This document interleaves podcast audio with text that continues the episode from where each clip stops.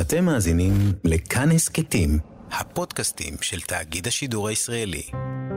אנחנו כאן, כאן מורשת. ועכשיו, אמילי אמרוסי.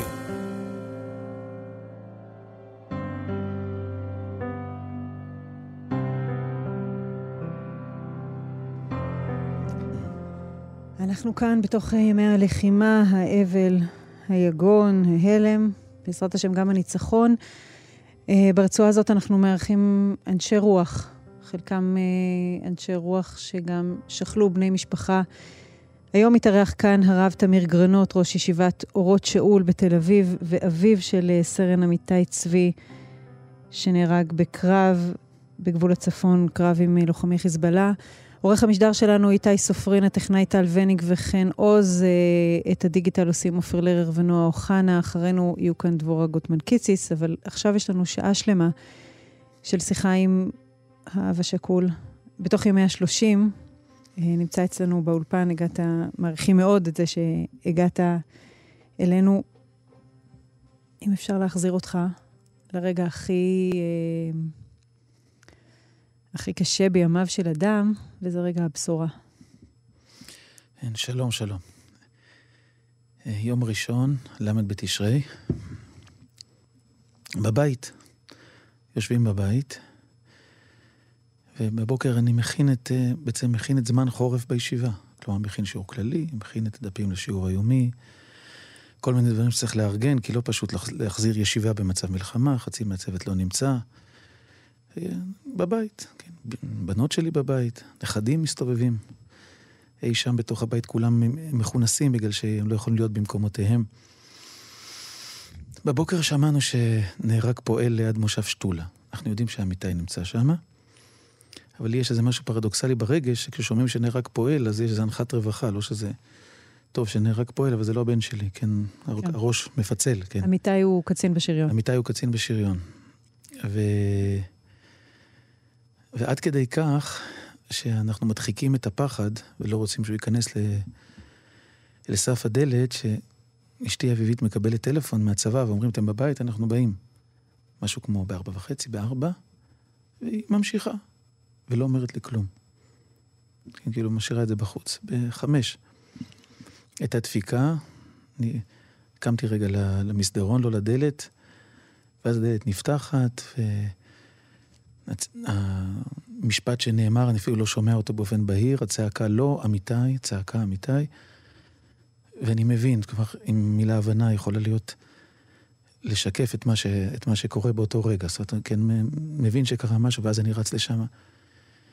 וברגעים האלה, בשעות האלה, עכשיו שעות ארוכות, התחושה היא שמשאבה ענקית נכנסה לתוך העולם ושאבה את כל אוויר העולם. ולא נשאר בכלל אוויר, אין אוויר בכלל. וגם התחושה שאין יותר מקום. זאת אומרת, אני חושב שהתחושה שלנו, המשותפת הייתה שהוטחנו אל הרצפה. לא, זה לא הלכה. הוטחנו פיזית אל הרצפה, ושאם לא המשטח הקשה, האטום, כאילו, שנמצא שם, אז היינו נופלים פנימה אל תוך התוהו, וזהו. לתוך אה, ליבת כדור הארץ. כן, משהו כזה. זאת, זאת התחושה בשעות הראשונות. אמיתי, רק כן, נספר כן. עליו, שבוע קודם התארס לאהובתו רוני, ומשמח אה, אתכם מאוד. ספר, ספר עליו. אז אני, אני אלך טיפה, טיפה אחורה. הוא מסיים שמינית בישיבה תיכונית חיספין. רוב השנים הוא למד, אבל לא כל כך בישיבה. עשה בגרות בוודיות, מעיינות, נחלים, דברים מן הסוג הזה.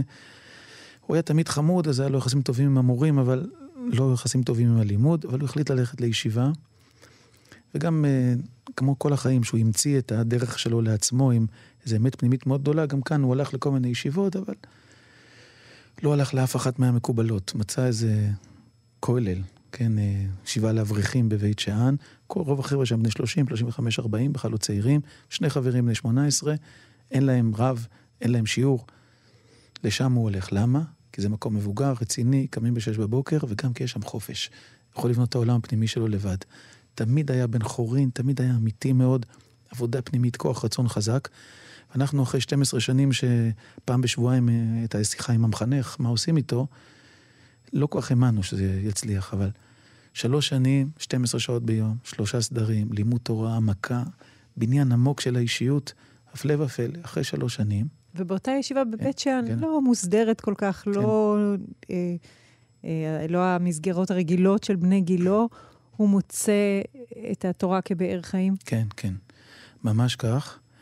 והוא מוצא אותה כבאר חיים כי הוא יכול לבנות מבפנים וכי הרבנים שם מאפשרים לו ומאפשרים להם ונותנים מקום כמו שצריך להיות, כמו שבאמת, אני חושב, חינוך וגדילה צריכה להיות. לפעמים אנחנו רוצים יותר מדי בשביל ילדים שלנו ולכן רק בסוף לא מאמינים בהם כי אנחנו רוצים יותר מדי. נותנים להם מקום ומחכים שהם יבשילו, אותם כוחות שגרמו לו למרוד במורים שלו, הם הכוחות שאפשרו לו אחר כך לבנות, אותו נקודה בדיוק. רק שהמערכת לא הפריעה או לא אימה, הוא גם היה בשל וגדול, אז הוא יכול היה לעשות את זה. שלוש שנים של אהבת תורה, ואז הוא מתגייס להסדר, הוא מוותר על חלום ללכת לסיירות. היה חלום כזה, הוא עבר בשמינית גיבוש שייטת, זה אחד מעשר, זה לא פשוט. אבל הוא ויתר על זה כי הוא רצה להמשיך לחזור ללמוד תורה, שנה וחצי בהסדר, תפקיד מת"ק, מפקד טנק. חוזר לישיבה לשלושה חודשים, עם מחשבה, אני כנראה חוזר לישיבה, אבל הוא משאיר איזה סדק לצבא, כן, לחזרה לצבא. הוא מתייעץ איתי, מתייעץ עם אימא, אה, אשתי אביבית, הוא מתייעץ עם ראש הישיבה שלו, ראש הישיבה שלו, הרב איתן צוקר, אומר, אומר לו, מספר לנו, אמרתי לו, אמיתי, אתה בחור כזה עדין, כזה רך, מה יש לך לעשות בצבא מתאים? מפקד, זה לא מתאים. אנחנו צריכים בחורים כמוך בישיבה. אבל הקצינים שלו, המפקדים שלו בצבא, מתקשרים אליו ואומרים לו, אנחנו צריכים בחורים כמוך בצבא. אז הוא מתלבט, ואז הוא אומר ככה, ללמוד תורה אני אוכל כל החיים. עכשיו, ללכת לצבא אני יכול רק עכשיו. אז אני אתן עוד שנה וחצי, ואחר כך אני אחזור ללמוד תורה. וזו הייתה התוכנית שלו. תוך כדי הוא נורא רצה להתחתן, אבל זה לא הצליח באותו, באותו זמן. להקים בית, הוא אמר, אם אני מקים בית אז אני לא אחזור לצבא, אבל זה לא הלך, אז הוא חזר לצבא. עם תוכנית ברורה לחזור לישיבה אחר כך. מה שאמרתי, האמירה הכפולה הזאת, אתה כל כך מתאים לישיבה כי אתה רך, אתה כל כך מתאים לצבא, כי יש בך איזו אמת פנימית, איזו סמכות שקטה, אבל קורנת, זה כל האישיות שלו, אני אספר. כשהוא הגיע מהצבא, בתקופות ארוכות שהיה בצבא, כבר שלוש, אחרי שלוש שנים כבר במצטבר. אז הוא נכנס הביתה עם המדים, משליך את הנשק ממש בכניסה, חיבוק לאבא, חיבוק לאימא. אימא שואלת, אמיתי, אתה רוצה לאכול משהו? וכולי, לא, לא, לא, לא. מיד מתיישב על הפסנתר שנמצא במרכז הסלון, פושט ידיים ארוכות, סדוקות ושחורות מגריז, ידיים של שריונר, מי שמכיר, mm-hmm. יבשות כאלה, מתחיל לנגן ולשיר.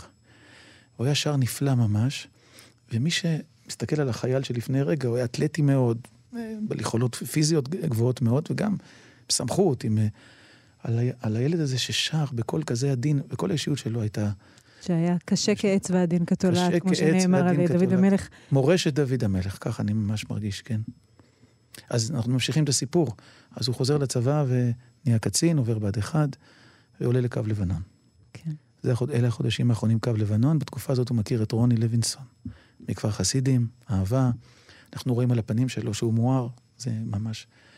ובראשון של חול המועד סוכות, זה עכשיו כבר כמה שבועות, ארבעה שבועות. ראשון של חול המועד סוכות, מסיבת אירוסין בכפר חסידים, שמחה גדולה, חברים, משפחה, שיא החיים. הוא גם בשלמות עם עצמו, הוא גם שמח באהבה, הוא גם בנוי לתלפיות, הוא גם שלם ברוחו, שלם במידותיו. רואים אדם שהגיע ל... וכל העתיד לפניו, ולא עתיד מופשט, הוא בחור עם יעדים. אני רוצה בית, אני רוצה ישיבה, הוא מדבר על חינוך הילדים, איפה אנחנו נגור, זאת הכל מונח, העתיד נמצא בתוך ההווה, זה, זה כל כך מרגש, מובן ממילא, שזה כל כך כואב, כמו שאנחנו חושבים על זה עכשיו, כי זה כל כך היה נוכח.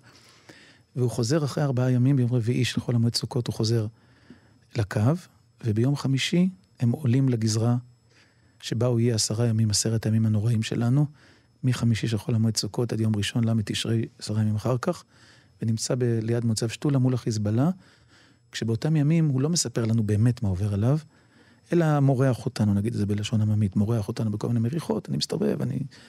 ירי אזהרה, קווים אחוריים, כל מיני דברים כאלה.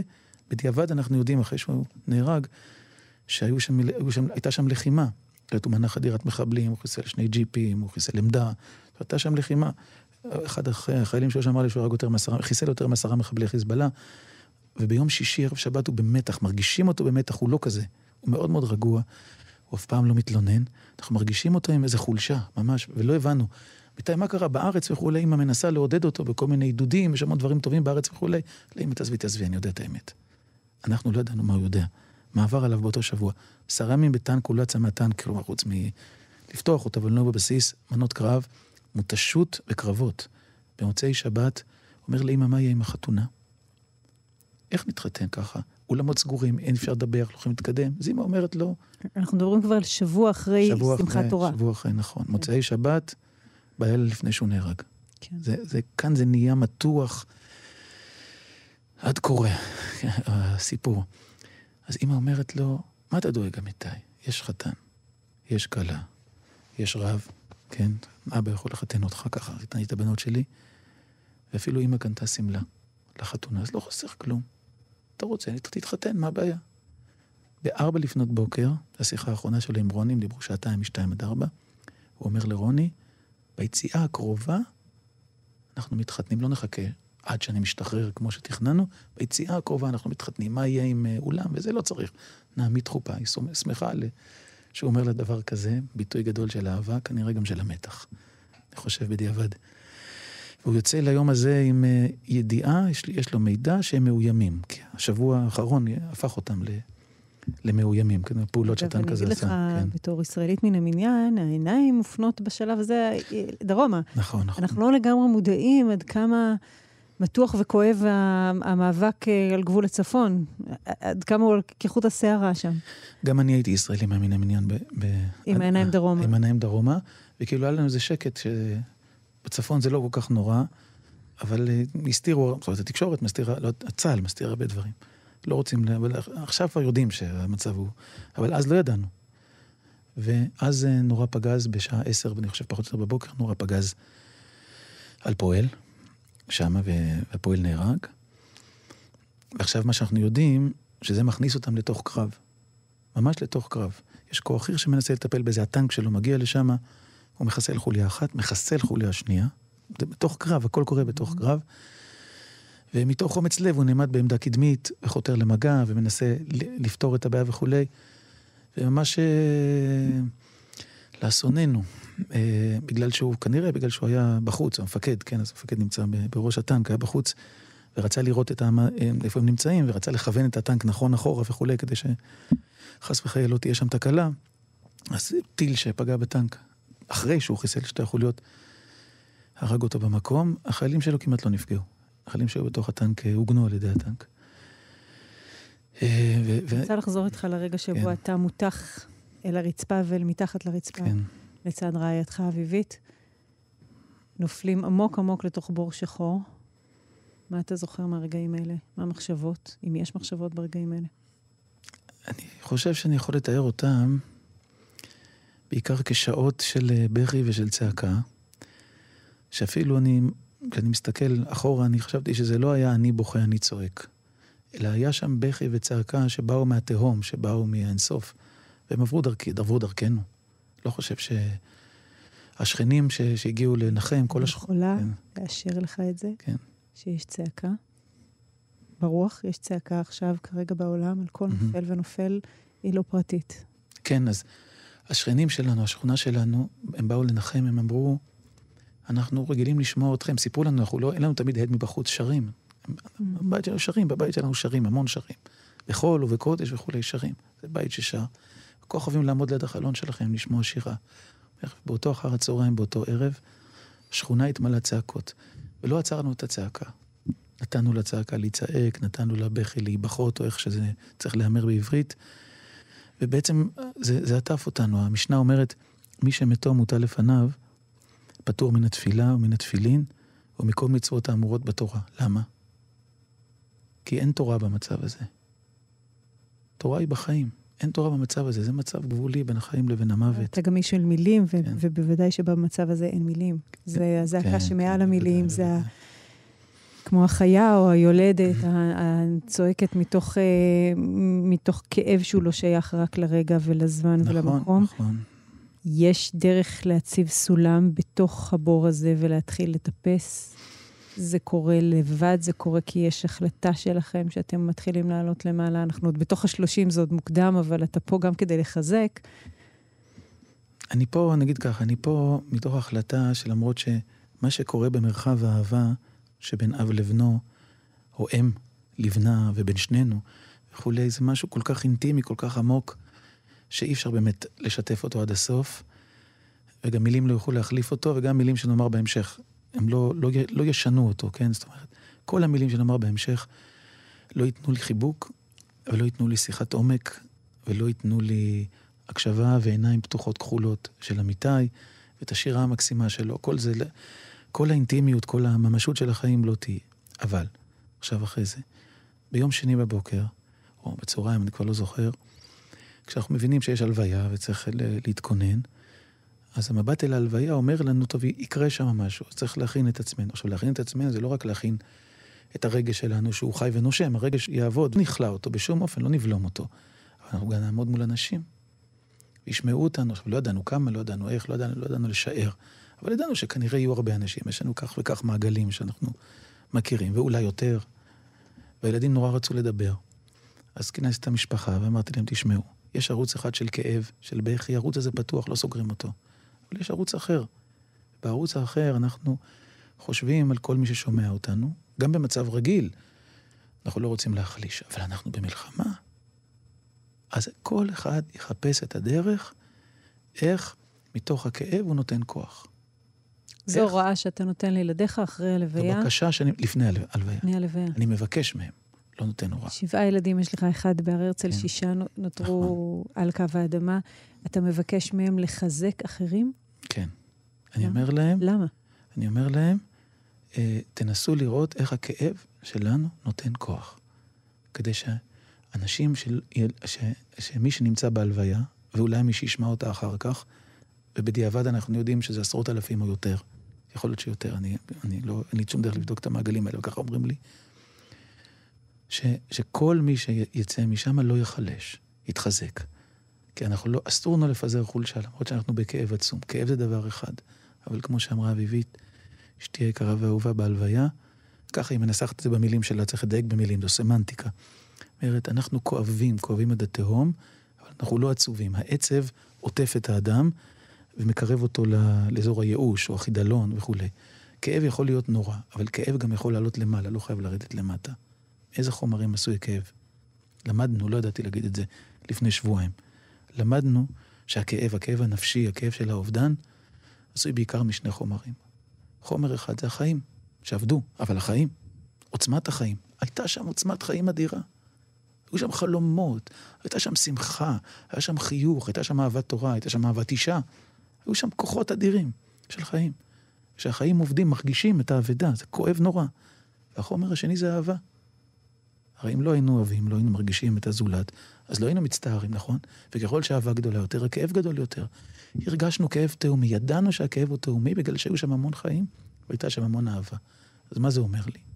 זה אומר לי שכמו שהאהבה והחיים הפכו לכאב, אפשר להפוך אותם בחזרה לאהבה ולחיים. אם אנחנו מצליחים, אנחנו מוצאים בתוכנו איזה מעיין. מין חוק שימור אנרגיה כן, כזה, כן, אפשר כן. להחזיר את זה בחזרה אחורה. כן. אה, אה, הרוח בעצם נותרת. ואנחנו תכף נדבר על הרוח בגלל המילים של שיר. שעמיתי, אה, זכרונו לברכה, בעצמו הקליט. ועדיין, עם האמונה שלי ושלך, של כולנו, על הישארות הרוח, היעדר, מייצר גם כעס כלפי שמיא. אתה, אתה עומד מולו ואומר לו, למה? למה, למה לקחת צדיק? אתה מנסה לברר את השאלה הזאת של ה... אה, ש, שלא תהיה עליה תשובה. אני אענה לך בדקה וחצי, בסדר? יש לך את הזמן. אין לי שאלות באמונה כאן. למה? כי אני רואה את הסיפור הגדול, אני אדבר עליו תכף, וכי אמיתי מת במלחמה, וכי יש מצוות בתורה, מלחמת מצווה, ויש מצוות נקדשתי בתוך בני ישראל למות על קידוש השם. אז התורה אומרת שזה יכול להיות. כן, אני לא מאמין באיזה אמונה נאיבית וכולי, שאין מוות וכולי. וכשחייל מקריב את עצמו במלחמה, הוא לא מקריב, הוא, לא, הוא לא מת בגלל שהוא רשע חלילה וכולי, אלא בגלל שהוא קדוש. זה ברור, כאילו, זה כל חייל, לא רק אמיתי, כן? וגם הקדושים שנהרגו, כשנרצחו בגלל שהם יהודים, גם קדושים, גם אם זה לא הייתה גבורה. אבל ודאי הגיבורים, ודאי אלה שנלחמו, ודאי אלה שמסרו את נפשם. אז אין לי שאלה באמונה. אבל יש לי שאלה או בעיה באמון. עכשיו ככה אני חושב. אני אגיד את זה דרך הפסוק, אבל אני אמרתי בשלוי, ככה דוד המלך אומר, בא למות לעולם, בימי השלווה, ככה אני הרגשתי כמו דוד המלך, שאני מוגן, שאנחנו מוגנים, שהכל טוב. אני באמת קמתי כל יום בבוקר, עד יום ראשון לפני שבועיים, ואמרתי לקדוש ברוך הוא, תודה רבה, כל תפילה, מודה לך על הכל. לא חסר לי כלום. יש לי הכל, יש לי שפע, יש לי אישה נהדרת, יש לי ילדים נהדרים, אני אסתמך בעבודה שלי, החיים שלי עטופים, יש לי פרנסה כמה שאני צריך אפילו טיפה יותר מדי. הכל שלם. ככה הרגשתי. בא למות לעולם. הסתרת פניך, הסתרת פניך, השם, הייתי נבהל, נכנסה לי בהלה לתוך הלב. אז זה בעיה של אמון במובן זה, אני, אולי ת, ת, תביני אותי, אולי אחים יבינו אותי, שיש לנו איזה חוזה סמוי עם הקדוש ברוך הוא, אנחנו נעשה מה שאנחנו יכולים. חינוך, כסף, אהבה, חיים וכולי. אל ואתה... תשמוט לנו את השטיח מתחת לרגליים בבת אני לא יכול לשמור עליו מהחיזבאללה, נכון? אני לא יכול. ו- ו- וכל הנשמה שלנו שם. אז זה יותר עניין של אמון.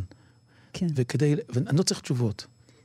אני מבין את, את הסיפור, כאילו הסיפור הוא סיפור, הוא, הוא, הוא סיפור גדול, כן. אבל אני רוצה אמון, אני רוצה ל, ל. ויש תשובה לזה? אם מגיע התלמיד ואומר לך, הרב היה פה הסתר פנים, יש לך מה לענות לו? אמ, אני לא... אה, בפסוק כתוב, הסתרת פניך את נבהל. אז במובן האישי, הסתר הפנים הוא, הוא כניסת הבהלה, הוא זה שציפיתי שתשמור עליו, שהוא יוכל להתחתן. אבל אמרתי, זה לא שאלה באמונה, ואני גם לא חושב שהאירוע הגדול הוא הסתר פנים. זה אולי קצת קשה, צריך להרחיב את המבט. Mm-hmm. האירוע הגדול הוא בעיניי גילוי פנים. בדין, קשה מאוד. אבל אני חושב ש... וואו. אני צריך לדבר על זה, צריך להרחיב על זה, אבל אני חושב ש... שאנחנו שומעים משהו. חייבים להקשיב לו. אני נגיד את זה על דרך המשל, אחרי שירמיהו 40 שנה אמר ש... יבואו הבבלים ו... ויחריבו את ירושלים. כשהם נכנסו לירושלים, לקחו את החרבות שלהם ושיספו ראשים ואת הכידונים שלהם ודקרו נשים, כמו שכתוב במגילת איכה, אז ירמיהו אמר אסתר פנים? לא. הוא אמר, יש פה סיפור, תראו, הקדוש ברוך הוא מדבר איתנו. כשאבא אוהב מעניש את בנו מתוך אהבה, אני לא חושב שזה אסתר פנים. שהוא צריך להקשיב וצריך ללמוד. זה כואב. גילוי פנים בדין הוא קשה, אבל הוא ביטוי של יחס, הוא לא ביטוי של יחס. ככה אני, ככה אני מרגיש. Mm. במובן האישי, אני מבקש מהשם, גם בשבילי וגם בשביל עם ישראל, תחזיר לנו את האמון, את הביטחון. את הביטחון שבחיים, את הביטחון בהשקעה. כן. אני מבקש הערת פנים, לא מבקש כן, תשובה. אתמול לרגע כן, אחד בשחרור כן. החטופה, אורי מגידי, שהייתה נכון, איזה נכון, תחושה נכון, נכון. של, של חיוך מהשמיים, מבין העננים, שמחזיר לנו את אותו אמון, את אותו שטיח שנשמע, את נכון, אדמה נכון. שנבקעה שוב לעמוד לרגע על הרגליים ולהאמין גם במערכות הפנימיות שלנו וגם במערכות שמעלינו. אה, אנחנו נשמע עכשיו שיר אה, שאותו שר אה, אמיתי בנך, זיכרונו לברכה. לא יודעת אם התרגלת כבר לצימוד הזה, זיכרונו לברכה. לא התרגלת. כן, זה מוקדם. עמיתי שר את השיר הזה לכבוד בר המצווה של אחיו הקטן. זה שיר שנקרא משיב הרוח, מילים של מירון אזיקסון. אה, זה נפתח במילים, הרוח תמיד נותרת. המילים האלה תמיד היו לנו יקרות, וגם המגינה של אביתר בנאי, אבל פתאום, אחרי מותו הם הפכו להיות כאילו מדברות באופן ישיר. תשמעי, הרוח תמיד נותרת. היא באמת נותרת. אמרתי, אי אפשר לחבק רוח, אבל הרוח נותרת. אנחנו בסתירה הזאת נהיה כל החיים כנראה. לא מצאתי מקום. היא משיבה לגשם, כלומר מול העולם הגשמי, כן, נותנת תשובה הרוח מול הכאבים העצומים. גם מביאה טל, קצת ברכה. עונת הרוח קבועה, אדמת ירושלים מחכה. אוי ואבוי, פתאום הבנו מה זה אומר לנו. מי יבוא לעומק זה? בור פתוח. ככה כתוב בשיר. עמדנו על הבור. זה קולו של uh, סרן אמיתי, אמיתי צבי גרנות. זיכרונו לברכה, אנחנו נשמע אותו ואחר כך uh, נשוב לשיחה עם הרב גרנות.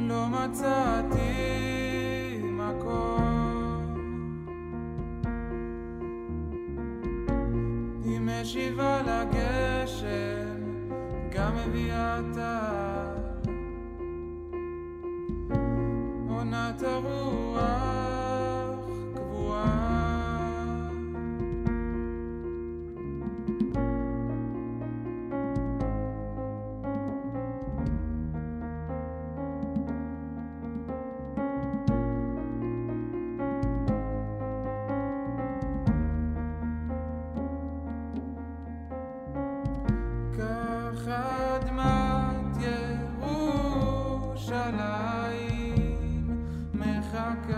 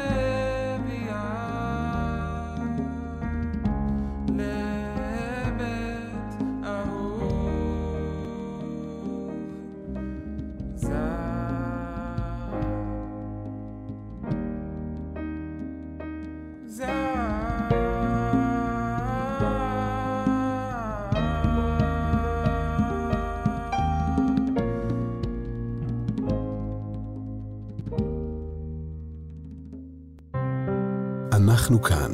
כאן מורשת. ועכשיו, אמילי אמרוסי. כן, שמענו את קולו של אה, סרן עמיתי צבי גרנות, זיכרונו לברכה, שנפל אה, בגבול הצפון, ואביו אה, נמצא איתנו הרב תמיר גרנות. אנחנו חוזרים אליך, שמענו את בנך שר ואת אחיו, אחיו החמודים מנגנים יחד איתו. כן. את השיר הזה השמעתם גם בלוויה. כן, השיר הזה היה ככה בשבעה, כן, ב- שעמדנו על הקבר. בלוויה שר אביתר בעצמו את השיר ילדים. תמיד תלך בשדות של אמת, בשדות של שמחה ויופי. כן, ככה, אמיתי אמרתי, הוא חי בשדות של אמת, בשדות של שמחה, בשדות של יופי. אתם, מלו... אתם מלווים את נשמתו אל, אל עולם שבו אתם לא תהיו נוכחים ומבקשים ממנו ללכת בשדות של אמת ושל יופי. ביקשנו ממנו, ב- ביקשנו מהשם שייתן לנו בחיים, כן. שילך בשדות של אמת, בשדות של שמחה ויופי. ואנחנו יודעים שהרוח שנשארת, שהרוח שנותרת, שממנה אפשר לראות ימים אחרים, כמו ששמענו עכשיו בשיר, מעבר לבור הפתוח, אפשר לראות ימים אחרים, אנחנו יודעים ומאמינים ומקווים ומחייבים את עצמנו להאמין שעוד נלך בשדות של אמת. הנה, אנחנו שומעים קצת, שמחה אה. קצת ברקע את אביתר. את אביתר, כן. זה, זה שיר שהוא הוא קצת הפוך למה שאתה יכול להגיד מעל קבר של בן שנמצא מתחת לרגבי האדמה. אתה, השיר מתאר איך הוא מגדל את הילד. אבל יש שם שורה, והנה נפתחת הדלת כלא הארי. אני חוויתי את זה לפני שבועיים. וואו. שהדלת נפתחת כלא הארי. אביתר תפס את זה עד הדלת. אנחנו אחראים, אנחנו יכולים להשגיח. מעבר לדלת, מה שקורה, הנה הוא אמר, כלא הארי, זה מה שאמרתי קודם, אנחנו נותנים בידי בורא עולם את הילדים שלנו. תשמור עליהם. שוב, אנחנו יודעים, אנחנו יודעים שהעולם מורכב, אנחנו יודעים שיש מלחמות בעולם, אנחנו יודעים שמסירות נפש היא מצווה, אנחנו יודעים, אני אומר, באמונה אני יודע. אבל בנפש, אז תעזור לנו השם שגם בנפש נוכל להרגיש את זה, שנקבל בחזרה ביטחון, ביטחון בקיום, ביטחון בך שאתה מגן לנו על הקיום. זה, זה, זאת התפילה שלי. כמו שאת אמרת קודם, זה הארת פנים, חיוך. לא תשובה. תשובות אנחנו לא צריכים, אנחנו צריכים חיוך, צריכים הארת פנים. אנחנו רחוקים מהעוצמה הרוחנית שיש למי שנגע בדבר עצמו. אנחנו המעגל החיצוני, כן. העמוקי היגון שנמצא מסביב. ונראה שלכם יש כוח לחזק אותנו, או למצוא איזה פשר, או לראות את המשמעות ממעוף הציפור באופן שאנחנו לא יכולים לראות. תן לנו איזה פשר למה אנחנו רואים פה. אני יודעת שאתה מתעסק המון גם בתודעה היסטורית ובמרחק הקצר שיש לנו משואת יהודי אירופה ומהשואות והתקומות השונות של עם ישראל. תחזק אותנו, הרב גרנות. אני אשתדל, אני אשתדל להגיד את ה- מה שיש על ליבי, את האמת שיש על ליבי, אני מקווה שזה יחזק, לא מבטיח, בסדר. אה, אני אתחיל, אה, אני, אני אעבור דרך אמיתי, כן, כדי לתאר את זה. בדרך שהיא כמעט נראית פלילית. שבועיים לפני שהוא נהרג, חצי מעם ישראל קרא עליו שני סיפורים בעיתון בלי לדעת שזה הוא. פרסמתי מאמר ב-N12 וב-ynet, דווקא שהיה מכוון החוצה, כן? ש... שכל עם ישראל יקרא. ובו שאלתי, שאלה רטורית, האם תל אביב נהפכת למאה שערים, אחרי אירועי יום הכיפורים. סיפרתי עליו שני סיפורים. סיפור אחד שלפני שנה בשמחת תורה בתל אביב, שאנחנו עושים תהלוכות אה, בכל העיר, בישיבה, תהלוכות של ספרי תורה, פתאום נעצר לידו איזה אופנוען, שם מצלמה מול הפנים שלו, ואומר לו, מתנחל, מה אתה עושה פה עם נשק בתל אביב? שוב ליצהר, לך ליצהר, כאילו, צועק עליו. אמיתי לא נבהל מדברים כאלה. עמיתי יליד תל אביב. הוא, הוא גר בתל אביב, הוא קצין, כן. הוא לא יכול לשאול את הנשק בבית, ברור, הוא לא הולך עם נשק, כן? הוא- ככה, ככה הוראות הצבא, כן? זה מה שצריך לעשות. לא נבהל, אבל מה זה הדבר הזה? מה, אי, אי- אי אפשר ללכת בתל אביב עם נשק? מה? חודשיים אחר כך, אנחנו בירושלים, ובשבת בבוקר הלכנו להתפעל במאה שערים, אמרנו לו, תיכנס לחוף מאה שערים, תפנה שמאלה. הוא היה נווט מצוין, אבל משום מה באותו בוקר הוא החליט ללכת ימינה. שמאלה זה ברסלב, מהמם, שם זה בסדר. כן. ימינה זה תולדות אהרון, שם זה קשה. הוא- אז הוא נכנס לתולדות אהרון עם נשק, כמו שהוא היה בתל אביב. נכנס לבית המדרש, מוקצה, מוקצה, מוקצה, מוקצה, כן, אומרים שם, אולי טוב, לא אכפת לו. הוא מוצא איזה מקום פנוי, יושב, ניגש אליו הגבאי, אומר לו, תשמע, אצלנו זה לא... אמר לו, זה פיקוח נפש, אני לא יכול ללכת בלי הנשק, זה- אני חייב, זה תפקיד שלי, אבל בסדר, אבל אצלנו זה לא מקובל, בכל זה לא מקובל, בשבת זה בכלל לא יכול לעבור. אז הוא אומר לו, תלך תשאל את הרב, אם הרב יגיד לי ללכת, אני יכול, אני אלך. אז אחרי כמה דקות הרב מגיע ואומר לו, תשמע, בוא לא ניכנס לזה, אבל אם לא תצא, תהיה פה מהומה. אז לא כדאי ש... שתישאר.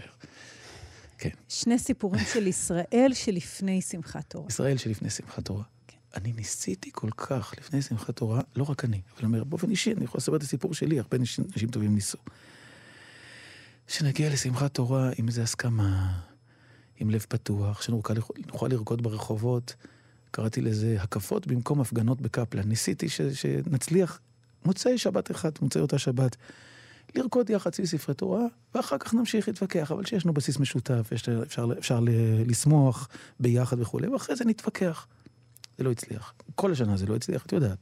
גם החברותא שלך, פרופסור יובל אלבשן עשה הרבה מאמצים, וגם הוא לא הצליח, ועוד הרבה אנשים טובים ניסו ולא הצליחו. כל המתווים של האחדות בשנה האחרונה לא הצליחו. הקנאות ניצחה, הקנאות של מאה שערים והקנאות של תל אביב ועוד כל מיני קנאויות. באמת לא, כן. לא, לא בהאשמה לאף אחד. המצב, כן? הקנאות, כלומר, במובן של האמת של להתנצח, לא משנה מה, גם תלך על הראש של האחרים, אולי, מתוך כוונות טובות, כולם יש כוונות טובות, אנשים טובים, אבל אנשים טובים עם כוונות טובות, עם אמת חזקה מדי ועם קנאות שלא מסוגלים להקשיב, יכולים לעשות המון נזק. באמת, כלומר, כולם אנשים טובים. ועם זה באתי לשמחת תורה ולא הצלחנו. נכנסתי בכאב לשמחת תורה. אנחנו החלטנו בישיבה שלא ניכנס למרכז תל אביב, כדי שלא תהיה בושה, שלא יהיה ביזיון לספרי תורה. זו הייתה החלטה כואבת מאוד. מה קרה בסוף? אף אחד לא רקד. לא היו הקפות בכלל. מה קרה בסוף? במקום כל המתווה, מתווה האחדות שלא הצליחו במשך השנה, קיבלנו מתווה אחדות אחר. כואב מאוד מאוד. 1,400. אולי יותר קצת, כן? אה, מאחינו בני ישראל, חיילים ואזרחים, נרצחו במתווה הזה. והבן שלי נהרג במלחמה במתווה הזה, אבל אנחנו נמצאים במקום אחר לגמרי מלפני שבועיים. אז מה שאמרתי קודם, זה לא הסתר פנים. עכשיו, לא שמישהו אשם חלילה, מי שאשם במה שקרה זה המחבלים, הרשעים מפה ושם, שלא יובן לא נכון. אבל החולשה, החולשה, כולנו ראינו את החולשה, הרגשנו אותה. חולשה הנוראה ש, שהיינו בה בשנה הזאת, שנסראללה דיבר עליה, שראשי איראן דיברו עליה, שהמודיעין דיבר עליה, שכולנו הרגשנו אותה, שהייתה תוצאה, נגיד את זה בשפה המליצית, של השטן המרקד של המחלוקת, כן, של הפירוד, שניצח, ניצח את כל הכוחות החזקים בעם שלא רוצים, הרוב הגדול, גם קודם לא רצה, אבל השטן הזה ניצח. באחריות שותפה ושווה של שני הצדדים. אתה לא מאשים אני, צד אני, אחד, אני אני, מניחה. אני, אני, יכול- אני לא מאשים אף אחד, כי כדי לתקן את זה, צריך להגיד את הדברים באופן כללי, וצריך שכל אחד, כל צד, יעשה את התיקון שלו. אם נמשיך להגיד, הם גרמו, כי הם הלכו על הראש שלנו, הם גרמו וכולי, נחזור לאותו מקום. כל אחד צריך להסתכל אחורה, להגיד, איפה אני כן, אם לא נהיה כן, יחד, כן. יבוא שוב הצורר, צורר היהודים החיצוני שיצרור את כולנו בצרור אחד. מאיפה אנחנו מגייסים תקווה? אנחנו ב- ב- במלחמה, אבל היא עדיין מלחמה זוטה. ייתכן שאנחנו לקראת מלחמה אה, עמוקה יותר, רחבה יותר, חס וחלילה עם, אה, עם מעורבת חזיתות אה, יותר כן, מרובות. מאיפה אנחנו מגייסו, מגייסים את התקווה, את הרוח להאמין שהסוף יהיה טוב? מאיפה? אז אני, אני אגיד מאיפה אני מגייס אותה. בבוקר שמחת תורה חזרנו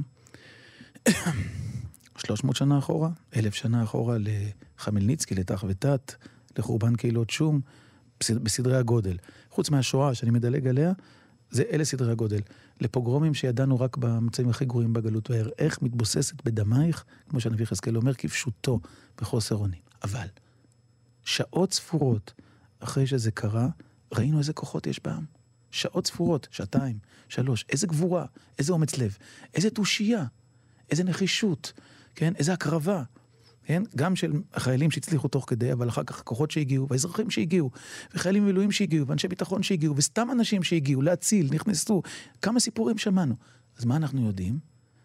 שנכון, הושפלנו, צריך להגיד את המילה הזאת. הושפלנו, כדי, כדי לקום צריך להודות במה שקרה, הושפלנו, אבל יש כוחות אדירים, ראינו כוחות אדירים.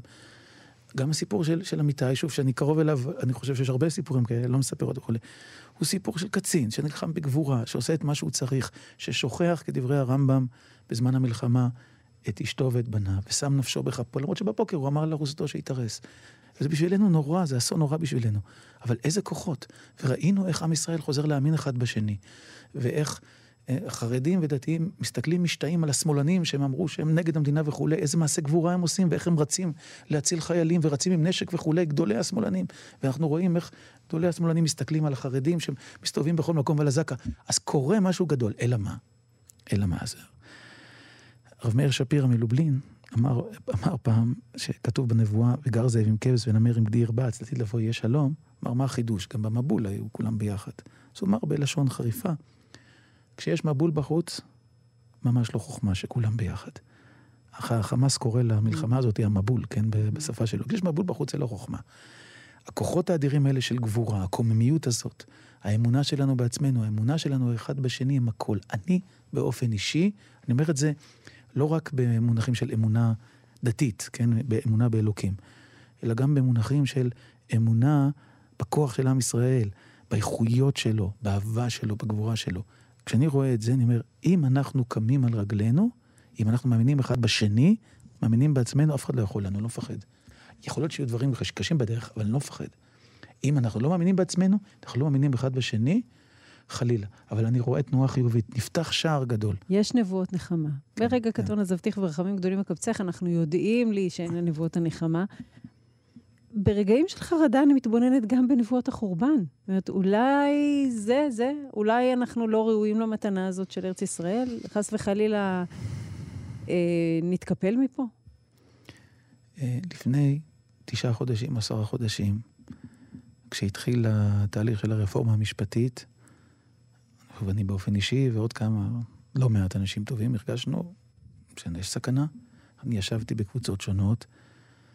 חבר לי, היה אתמול אצלנו בבית, הבמאי גידידר, שעשה את אגדת חורבן וחי את הסיפור הזה לגמרי.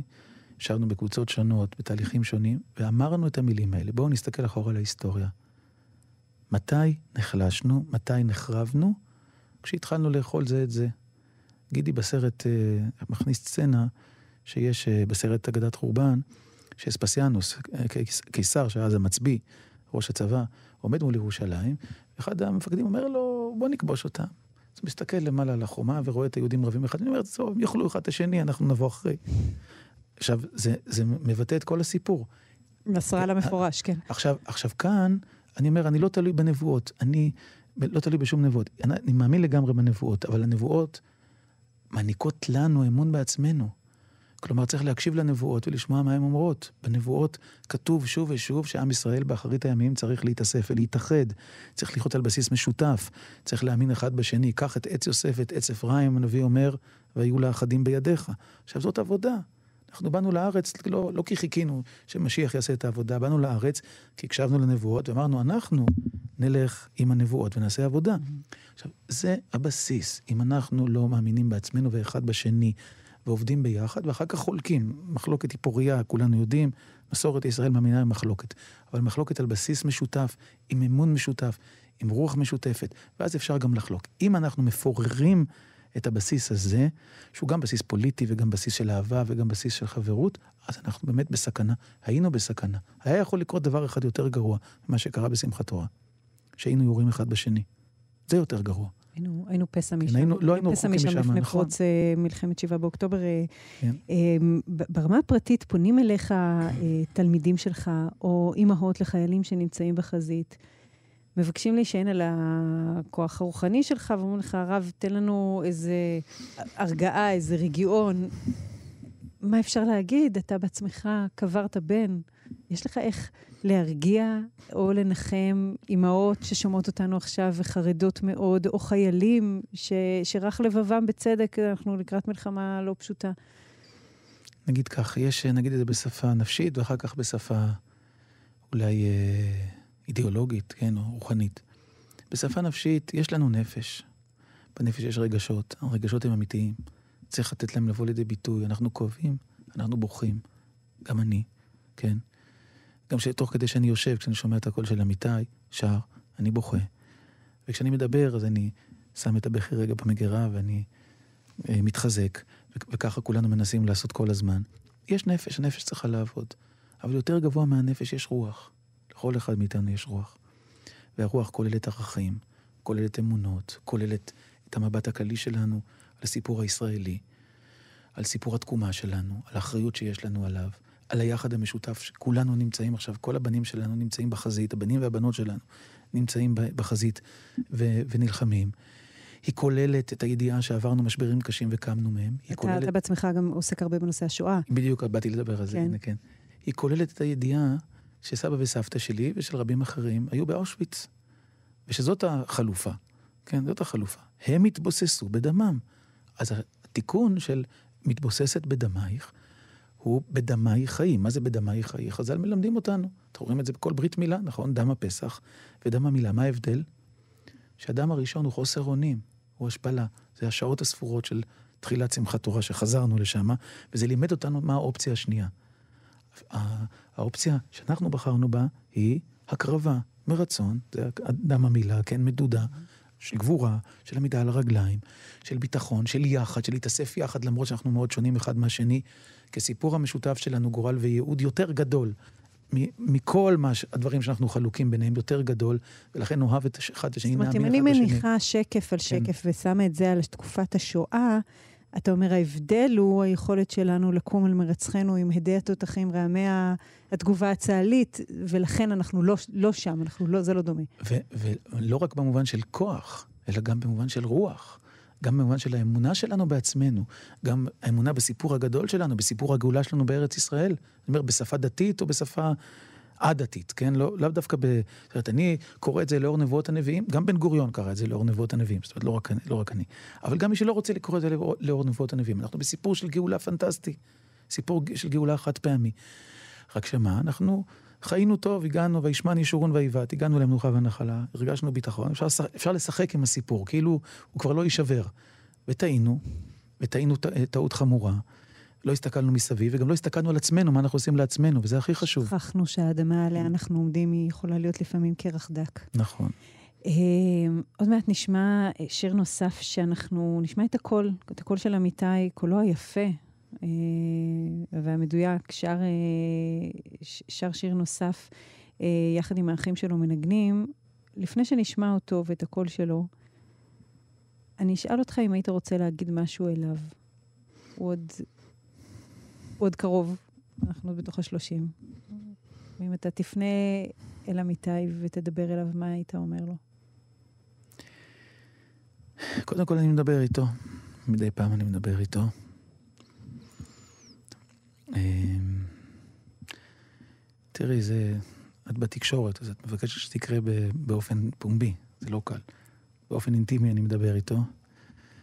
אני אגיד משהו, אה, אני אספר משהו, ואת זה אמיתי יודע עכשיו, שכשעמדנו מול הארון המכוסה בדגל, רגע לפני ההלוויה, כולנו בכינו, היינו ממש מפורקים. אז בשביל אמרתי לילדים, טוב, עכשיו אני אברך כל אחד מכם ברכת אב לילדיו, וכל אחד ייגש ויגיד משהו לאמיתי. פרידה, דברי פתע אחרונים. ואז אחרי שסיימנו, כולם סיימו, אמרתי להם, עכשיו אני אברך את אמיתי. ואז הרגשתי מטופש, מה יש לברך? מה אני אגיד לברך השם וישמרך? יישא השם פניו אליך, מה זה שייך? כאילו, מה זה קשור? ואז אמרתי לעצמי, ואמרתי אחר כך בקול, ככה אנחנו עושים, אה, מה זה מאז, בשבועיים האחרונים, ככה אני עושה גם בליל שבת שאני מברך את הילדים. אמיתי, אתה נהרגת בשביל עם ישראל. אתה קורבן ציבור, אתה לא קורבן יחיד. הקרבת את עצמך. אז עכשיו אני מברך אותך, ויחד איתך, כל ילד וכל חייל בצה"ל שצריך ברכה, אה, עובר דרכך. אז כשאנחנו מתראיינים עכשיו באופן גלי ומנסים להעלות את הכאב, ומנסים את הר- את הרגש להפוך לרוח, כן? להפוך, כמו שאמרתי, את החומר של הכאב לאהבה ולחיים, אנחנו עוברים דרכך, בן שלנו אהוב. ודרך האהבה שלך, דרך האמת שלך. יש לי זמן לספר סיפור? שאנחנו כן, ב- כן. כשנודע לחבר של אמיתי, בחור, אה, חילוני לגמרי, שהיה איתו בצבא, שאמיתי נהרג, הוא היה בשוק, בהלם גמור, לא ידע לשים את נפשו. איפה לשים את נפשו? הוא הוא היה בשבעה, סיפר לנו, יצאתי לשדה, כי ראיתי צריך להיות לבד, בכיתי, חשבתי, מה אני עושה? מה אני עושה בשביל אמיתי? מה אני עושה? ואז הוא אמר, אני מניח תפילין. הוא אומר, מעולם לא הנחתי תפילין, מעולם עליתי לתורה. כן, הוא לא, לא נראה כמו הילדים שלי במראה החיצוני, רגיש מאוד, בחור רגיש מאוד. חזרתי לבסיס, ביקשתי מחבר שלי דתי, תניח עליי את האור הזה, כך הוא אמר, את האור הזה. יצאתי החוצה עם התפילין, עמדתי שם, התייחדתי עם אמיתי והתפללתי. סבא של אמיתי, סבא צבי, שהוא קרוי על שמו, סיפרתי את הסיפור הזה בברית מילה של אמיתי, ארבע וחצי שנים, במחנות ההשמדה באושוויץ ובבוכנוולד ובצד המוות, הניח תפילין של ראש, והוא נקבר איתם. הוא ביקש להיקבר איתם. הוא כתב, למען תהיה לי לעדות, כי גם בזמנים הקשים ביותר שמרתי אמונתו יתברך, ולא עזבתי אותו אפילו לרגע, וסיים בשמע ישראל, אדוני אלוהינו, אדוני אחד.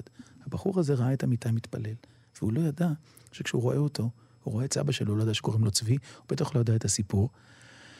איך אנחנו יכולים להתחבר בלבבות בלי להגיד כלום? לא צריך להגיד כלום. איך ההיסטוריה הארוכה שלנו, כן, וכולי, מופיעה בהווה דרך חברות, דרך קשר אנושי.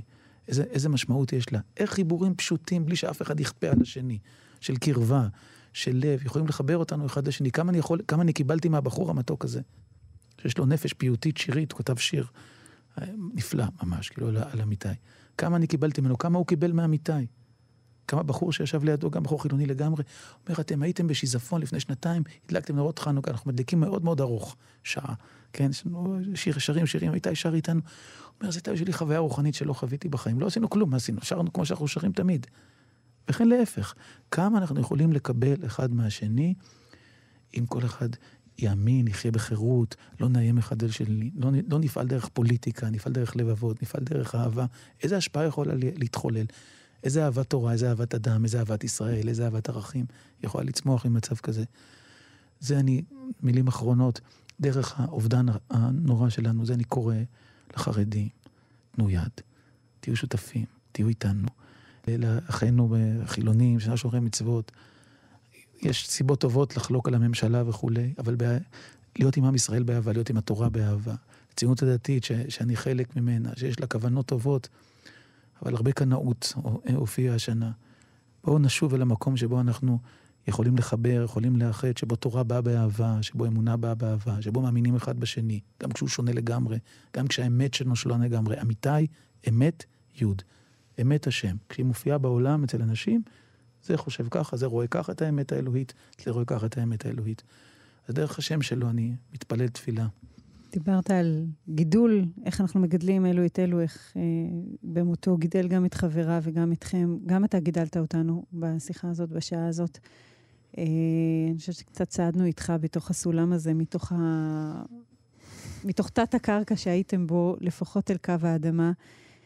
נאחל לכם שיהיו נחמות וישועות כאלה שתוכלו גם לצמוח מעלה, מעל קו האדמה. אמן ואמן, אה, וכן נתפלל, פירות. נתפלל ש... כן. שננצח המלחמה הזאת, נכה אותם, אבל שחיילי צה"ל יחזרו הביתה בשלום, שחטופים יחזרו בשלום. אחינו כל בית ישראל הנתונים בצרה ובשביה, המקום ירחם עליהם, ויוציאם מצרה לברכה, מאפלה לאורה, משעבוד לגאולה, עכשיו, ממש, אחרי ניצחון. אמן. אה, הרב תמיר גרנות, ראש ישיבת אורות שאול, ואביו, אביו של אה, סרן אמיתי היקר, שזכינו מעט להכיר אותו בשעה הזאת, עורך המשדר שלנו איתי סופרין, הטכנאים הם טל וניג וחן עוז. נודה גם לעופר לרר ונועה אוחנה אשר על הדיגיטל, אחרינו תהיה דבורה גוטמן קיציס. מחר בשעה אחת אני אהיה איתכם שוב, אה, בשעה עם איש רוח, ועכשיו אנחנו נשמע את השיר בין הצלילים, נשמע את קולו של בנך. הרב תמיר גרנות, תודה, תודה רבה. תודה, תודה רבה. בשורות טובות.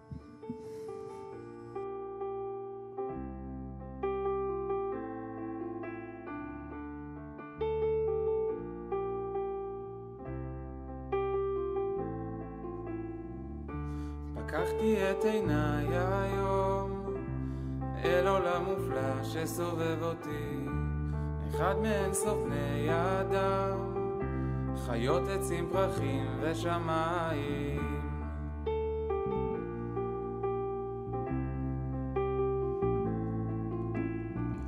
העולם הוא כמו אדם אחד בו אתה לבני העיניים.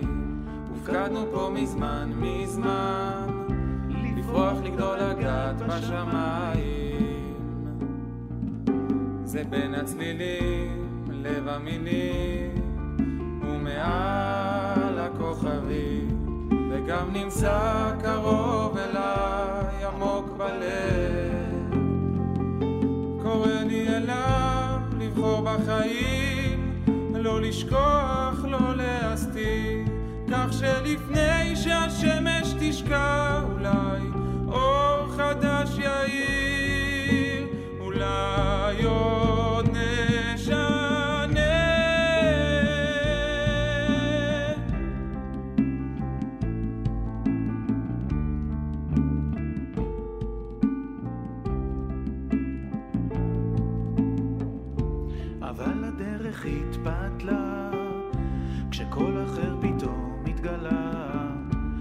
כשדם צועק מן האדמה, אחים אוטמים אוזניים. זה בין הצלילים, בין המילים ומעל הכוכבים וגם נמצא קרוב אליי עמוק בלב קורא לי אליו לבחור בחיים ולשכוח אולי אור חדש יאיר אולי עוד נשנה.